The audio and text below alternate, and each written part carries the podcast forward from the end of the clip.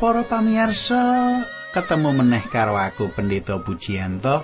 Tak jaluk panjenengan saiki sehat, diberkahi Gusti, sing wis keluarga-keluargane rukun-rukun ora padha padu mengkono. Lan aku Pendeta Pujiyanto bakal ngancani panjenengan ing sawetara wektu iki lan ana ing adicara margi utami, ana ing sadroning adicara margi utami kaya padatan panjenengan tak derekake ngekilut isining kitab suci iki kang wis tekan ing Injil Lukas. Tak suwun panjenengan nyawisake kitab suci panjenengan sugeng midhangetake adicara iki.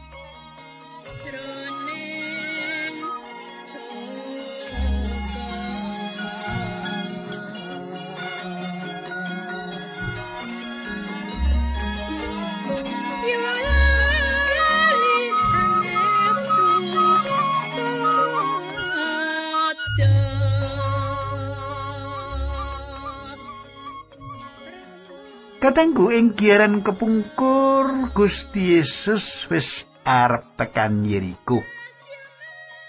Nalika semono Gusti Yesus wis arep ngancik ing lalatan Yeriko, ketemu karo wong wuta. Wong wuta kuwi nguwuh-uwuh marang panjenengane supaya diwarasake anggone wuta. Lan nalika semono sak nalika waras. Gusti Yesus terus nindakake pelatusan marang wong-wong kang mbutuhake. Kepiye sebanjure monggo ndak derekake panjenengan ndedonga. Gusti Yesus nyuwun dipun pimpin lan tuntuni ing adicara menika. Supados kata sederek-sederek kawula ingkang midhangetaken adicara menika dipun kiyataken imanipun. Dipun kandelaken kapiyandelanipun.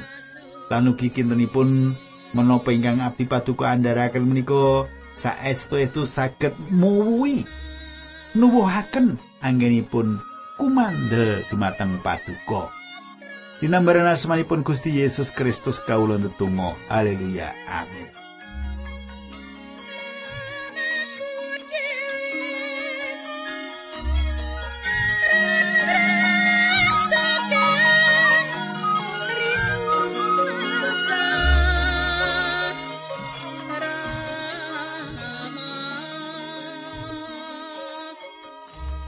Kadangku kang dal tresnani Injil Lukas pasal 18 wis rampung nalika patemon kita kepukur.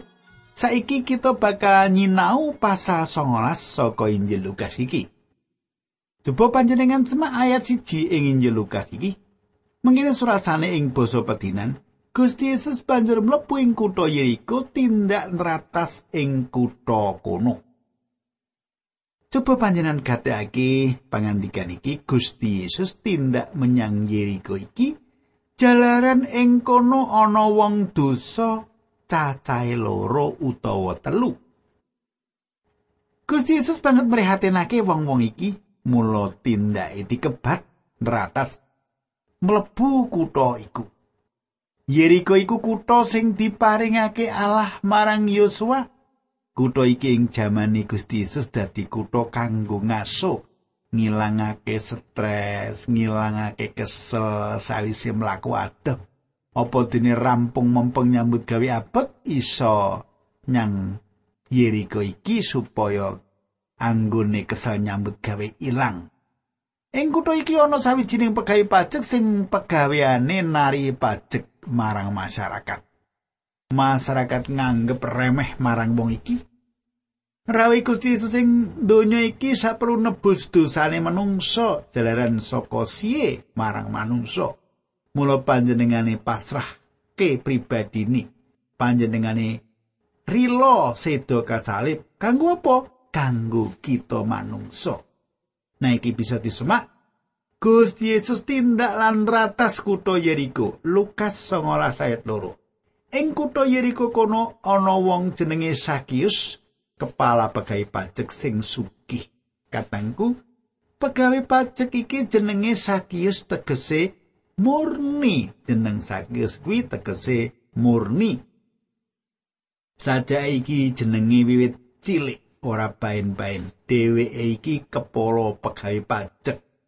Sakius wis nglerwakake agamane.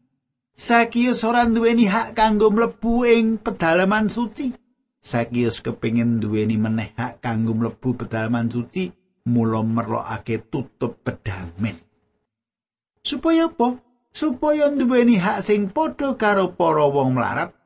Senajan Sakius sugih, tataraning masyarakat dipadhake karo wong melarat. Senajan Sakius wis nemtokake pilihane dadi tukang narik pajak, ewas mono atine isih ora marem. Ketunggunan donya brono akeh. Yen bisa dheweke kepengin baleni maneh dalan uripe supaya bisa entuk kabejane ati ing uripe. Sakius kepengin entuk welas asih Allah pangeran. Kabeh mau dipirsani tining Gusti Yesus. Mula Gusti Yesus mirunggan tindak Yeriko kanggo mitulungi Sakius. Gusti Yesus ngersakake nganti Sakius ora menyang Yerusalem nanging menyang salib sing bakal dirembat lan sedo ing pamentangan. Salib ing ngendi Sakius nemokake pangapurane dosa. Lukas 19 ayat 3 papat. Mengene surasane, Sakius mau kepingin banget weruh Gusti Yesus nanging dedeke cendek sarene kaling-kalingan wong akeh dadine ora tau bisa weruh Gusti Yesus. Mulane Sakius mlayu ndisi lakune wong-wong akeh nuli menek ing wit anjir supaya bisa weruh sing bakal langkung kono. Kadangku kulite wit anjir utawa ora iki alus lan lunyu lan saka lemah epangi sing paling isor rada dhuwur dadi angel dipenek Mestine Sakius kangilan bisa menek wet iku. Sakius dedeke ora dhuwur. Saiki ayat 5 nganti ayat 8 mengkene surasane. Bareng Gusti Yesus tindake tekaning panggonan ing kono, panjenengane ndangak mirsani ing wit anjir sarta ngendika marang Sakius. Sakius singgal muduna, awit ing dina iki aku arep mampir ing omahmu. Sakius banjur enggal-enggal mudhun lan mbagekake Gusti Yesus kelawan bunga. Wong kabeh sing padha weruh lelakon kuwi padha pating gedumel lan muni, "Lho, panjenengane kok kersa mertamu ana ing omahe wong Allah?" Ayat 8. Sakius nuli ngadeg sarta matur marang Gusti Yesus, "Gusti, bondo kawula ingkang sepalih badhe kawula sedekahaken dhateng tiang miskin lan sinten kemawon ingkang nate kawula apusi bandanipun badhe kawula wangsulaken tikel sekawan. Kadangku. Sakiyo suripe netepi hukum Musa saka pangentasan bab 22. Ana kedadian anyar ing uripe Sakius. Sakius duweni urip anyar. Ora jelas kedadian kepriye ngantarane Gusti Yesus lan Sakius, nanging saben Gusti Yesus ngendika ing ngarepe wong akeh ana rong perkara sing didhawuhake. Yaiku sepisan bab kebutuhan dasare menungso. Sing kaping pindho, Gusti Allah kuwawa nyukupi kabutuhan dasar mau. Gusti Yesus wis ora perlu ngendika yen Sakius iku wong dosa. Jalaran Sakius wis ngraita marang dosane. Wis ngerti marang dosane. Wis sadar karo dosane. Panjenengan apa ya wis sadar dosa panjenengan? Saiki kita teruske Lukas 19 ayat 9 nganti 10 mengkini curasane. Gusti Yesus nuli ngendika marang Sakius, Dina iki Gusti Allah nampani kowe lan brayatmu kabeh, kowe kuwi uga anak turune Roma Abraham. Awit putrane menungso kuwi tekani goleki lan nyelametake wong-wong sing ketriwal. Kadangku Sakius ora duweni hak kanggo bisa tekan tutup bedamen ing bait suci, jalaran dheweke tukang narik pajak mongko ing kono manungsa bisa ngranggih pangapura bisa antuk pangapura. Sanyatane Gusti Yesus iku tutup pedamen sing bisa paring pangapurane dosa rai tumete sing kayu salib sedane ing Yerusalem iki supaya dingerteni dening Sakyus jalaran kanthi percaya marang sedane Yesus sing bisa ngapura dosane Sakius bisa ngrasake indai pangapura kaya ing tutup pedamen ing pedalaman suci. Sakius wis mutusake yen uripe dipasrahake marang Sang Kristus. Mula saiki Sakius dadi wong sing duweni urip anyar. Ya kaya ngene iki carane yen kita dadi wong mratobat supaya dideleng dening donya, pasrah urip sakbutuhe. Urip anyar bakal ngowahi carane urip manungsa, ngedohi dosa, celak lan nuruti kersane Allah. Sakius nuduhake imane kanthi tumindake ora ucapane. Donya dinane iki ora kepengin krungu apa-apa. nanging donya nunggu apa-apa saka kita. Sakius duweni apa sing digoleki dening donya iki. Saiki Gusti Yesus lagi dahar bengi ing omahe Sakius lan Sakius pancen uripe wis malih dadi anyar. Saiki Lukas 19 ayat 11. Nalika semono tindake Gusti Yesus wis meh tekan kutha Yerusalem, akeh wong sing padha ngira yen kratone Allah sedilo meneh bakal kebabar ana ing donya. Kadangku nyemak pangandikan iki Gusti Yesus wis cedhak Yerusalem. Anggone tindak wis cedhak Yerusalem. Para murid nganggep yen panjenengane bakal merintah kratone swarga saka ing Yerusalem. Nanging kanyatane Gusti Yesus tindak Yerusalem seperlu masrahake pribadine kanggo nebus dosane manungsa. Gusti Yesus nedhake yen tumedhake kraton swarga disumenekake. Ditunda. Saiki ayat trolas coba panjenengan semak. Mulane Gusti Yesus nuli maringi pasemon marang wong sing padha ngrungokake piwulange pangandikane. Ana priyayi luhur lunga menyanging negara adoh arep ditetepake dadi ratu ana ing kono sawise kuwi bakal bali meneh kadangku priagung priyayi luhur mau pasmon kanggo Gusti Yesus. Panjenengane bakal nampa warisan saka Sang Rama, dudu saka kita manungsa. Rawe sing sepisan dadi juru wilujeng nanging mengko rawe sing kaping bindu bakal dadi hakim. Yen pracaya kaparingan urip langgeng yen nolak bakal nampa pati langgeng. Mangkono. Saiki ayat 13 nganti ayat pitulas panjenengan semak lan miyarsaaken saturunge priyayi luhur mau mangkat nimbali abdine 10 saben abdi siji dipasrai duit mas dinar welingi duit iki nggonen dagang nganti sak tekaku Sarene rakyatin negara kono padha sengit marang panjenengane mula padha nusuli kongkonan padha dikon matur. Kawula mboten purun dipun areh tiang menika. Sawise priyayi luhur mau ditetepake dadi ratu nuli bali menyang negarane panjenengane nuli nimbali para abdine sing biyen padha dipasrai dhuwit didawi sowan. Awit panjenengane kepingin pirsa bebatene siji-sijine. Abdi sing kapisan sowan matur. Ndoro kula sampun angsal badhe sedasa dinar saking arta ingkang kula tampi saking panjenengan. Ayat 17 pangandikane bendarane syukur kowe abdi becik. Sarene kowe kena dipercaya tumrap perkara sing cilik saiki kowe dak angkat ngereh kutha 10 katenggo kang dak tresnani. Gusti Yesus maringake kalodhangan marang para abdine kalodhangan mau arupa duit dinar Kita kudu kanthi kasetan migunakake duit mau nalika juragane lunga para abdine padha makarya dewi-dewi. Ora saben abdi ngasilake padha, ana sing limang dinar nanging ana uga sing 10 dinar. nalika juragan mau bali arep menehi bebungah sebanding karo kasetyan marang bendarani. Lukas ayat 18 nganti rong buluh. Mengkini surasani. Abdi sing kapindo swan aturi. Ndoro, saking arto mas dinar ingkang panjenan paringaken dateng kulo, kulo sampun angsal bebaden gangsal dinar. Bendarani nuli ngendika, syukur, saiki kowe bakal ndak pasrahi ngereh kutha limo. ayat terong puluh. Abdi sing katerus lan matur ndoro menika arta panjenengan ingkang kula bundeli ing kacu lan kula simpen. Becik tak teruske tekan ayat pitulikur yo. Mengkene surasan tak beleni ayat rong puluh.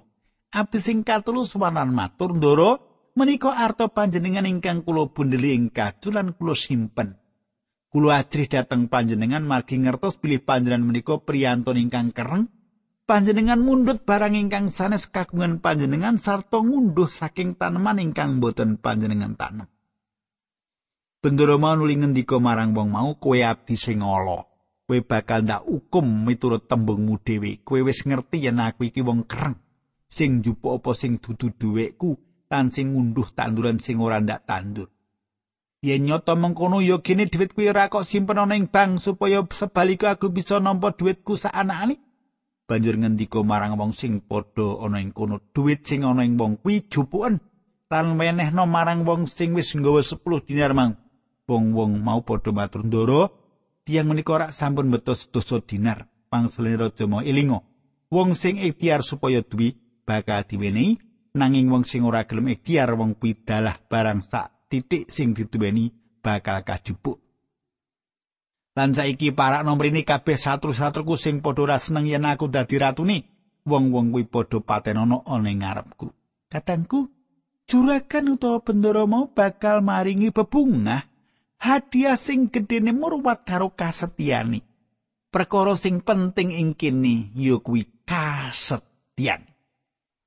Piye katangku, apa panjenengan kalebu wong sing setya setya nindakake pakaryane Gusti selaras karo talenta peparing kang diparingake panjenengan saiki Lukas 19 ayat 21 sawise Gusti Yesus ngendikake kuwi mau kabeh panjenengan nuli tindak ngrumiyini wong-wong mau menyang kutha katangku Gusti Yesus nglajengake tindake menyang Yerusalem masrahake gesange ing tangane mungsuh.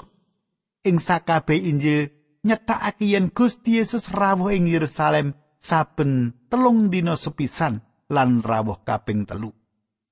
Sing sepisanan rawuh pas dina Sabat. Ora ana wong sing tukang ngijoli dhuwit ing wektu iku. Gusti Yesus mirsani ngiwonengen nuli nilarake panggonan iku. Gusti Yesus rawuh ing kene kanthi kalenggahan imam kapindho dina Minggu. Dina kapindho ing minggu iki, wong sing dol tinuku dhuwit ana ing kono Gusti Yesus nyucikake bait Allah. Panjenengane rawuh kanthi kalenggahan raja dina Senin nalika rawuh iki ing kalenggahan nabi. Saya kita wacake Lukas 19 ayat 29 nganti 30. Barang wis tekan sacedhake desa Betfage lan desa Betani sing dununge ana ing Gunung Saitun, Gusti Yesus ngutus sekabate loro ndisi tindak Gusti Yesus dawuh, "Kowe lunga menyang desa ngarep kuwi, kowe bakal weruh belo kulti sing ditintang. Belo kuwi durung tau ditunggangi wong, belo mau uculana lan gawanen mrene." Ayat 31 nganti 34. Yen ana wong takon, "Ya gene kok kok uculi?" Mangsulana, Gusti sing ngarep ngagem, para sekabat loro sing diutus ndisi tindake mau nuli padha mangkat Lan apa sing didhawuhake dening Gusti Yesus mau cocok karo kaanani. Nalika para sekabat mau lagi padha nguculi taline sing duwe belung ngaru-arwi, ya kene beluk kuwi kok kok uculi. Para sekabat nuli padha mangsuli Gusti ingkang ngersakaken ngagem. Kadangku Ing kene ana gambaran sing nuduhake yen Gusti Yesus ngendika kanthi panguasane. Sing duwe belum jawab pitakon. Gusti ingkang ngersakaken ngagem. Lukas 19 ayat 35 nganti 38. Belum mau banjur dituntun menyang ngersane Gusti Yesus. Para sekabat mau nuli nyopot jubai. Banjur dilarapake ana ing gegeri kulti. Gusti Yesus nuli diangkat lan dilenggahake ana ing kulti mau. Sawise tindak, para sekabate padha njering jubai ana ing dalan sing dilangkungi. Bareng wis cedhak karo kutha Yerusalem ing dalan kang mudhun saka Gunung Saitun, para murid Gusti Yesus kabeh nuli padha giyak-giyak kelawan soro memuji asmane Gusti Allah merga saka sakaing mujizat sing padha dideleng wong-wong mau padha nguwuh binerkah ana ratu ingkang rawuh ing asmanipun pangeran? Tentem rahayu wonten ing swarga lan kamulyan kunjuk ing Allah kadangku kang ndak tresnani wong-wong iki padha durung ngerti apa werdine lelakon iki. Mula ing dina liyane wong-wong mau padha ngucap bareng-bareng kasalipo kasalipo malah para murid Gusti iki uga padha turung mudeng kedadian mau. Saiki tak teruske Lukas 19 ayat 39 nganti 40 Wong Farisi sawetara sing ana ing antaraning wong akeh mau nuli matur marang Gusti Yesus guru para murid menika mugi panjenengan dawi mendel nanging pangandikane yen wong-wong kuwi meneng watu-watu iki sing bakal giyak-giyak. Para mitraku rawe Gusti Yesus ing Yerusalem iki bisa ndadekake gegeran pemerintah Romawi. Rawe Gusti Yesus ing Yerusalem iki bisa ndadekake rongehe pemerintah Romawi. Lan iki lelakon iki bisa dadi jalanan pemerintah tumindak marang Gusti Yesus. Sing sepisan Gusti Yesus kahormatan lan disetiani para pandhereke sing kapindo Gusti Yesus ora menggak ora nyirep bludake para pandhereke. Gusti Yesus wis pirsa bab anane kabar wigati lan bakal terus ana sing saiki lagi diadepi. Para murid ora dikeparengake yen arep gawe watu-watu padha bengok-bengok. Kita kudu eling yen barisan kemenangan bakal dipungkasi ana ing salib. Gusti Yesus bakal rawuh sing kapindho. Mengkono ing kahanan kebak kamenangan. Coba babagan iki panjenengan semaing layangi berani songo ayat 12. Mengkono uga Sang Kristus ya mung kakorbanake sepisan kanggo dosane wong akeh. Panjenengane bakal rawuh sepisan kas ora kanggo nebus dosa nanging nyelametake wong-wong sing nganti-anti rawuh. Kadangku, barisan kemenangane Sang Kristus iku bakal kedadian sing nyoto-nyoto nalika panjenengane rawuh sing kaping pindho. Rawi sing sepisanan ing Yerusalem tumuju menyang salib lan sedo kanggo dosa-dosa kita. Nanging kanthi sedo lan wungune saka pati nawakake kawilujengan marang kita manungsa. Saiki Lukas 19 ayat 41 nganti 44 panjenengan pidhangetake. Mengkene surasane bareng Gusti Yesus tindake saya cedhak karo kutha Yerusalem lan perso kutha mau panjenengane muwun pangandikane aduh. Saeba becike yen ing dina iki kowe nyumurupi apa sing saknyatane kok butuhake kanggo katentremanmu nanging tekan saiki kowe durung weruh. Bakal teka waktune mungsumu padha gawe jagrakan pirang-pirang kanggo ngepung kowe lan nyerang kowe saka ing ngendi-endi Mungsu-mungsumu kuwi bakal gempur kowe nganti rata karo lemah bareng karo rakyatmu kabeh.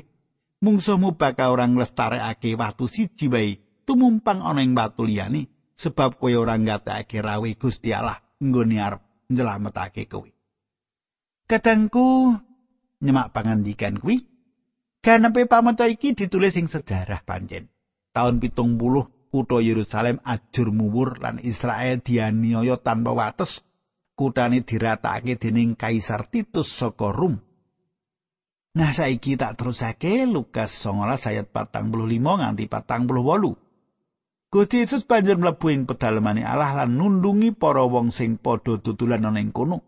Pangandikane, ing kitab suci ana tulisan pedalemanku kuwi omah pamujan.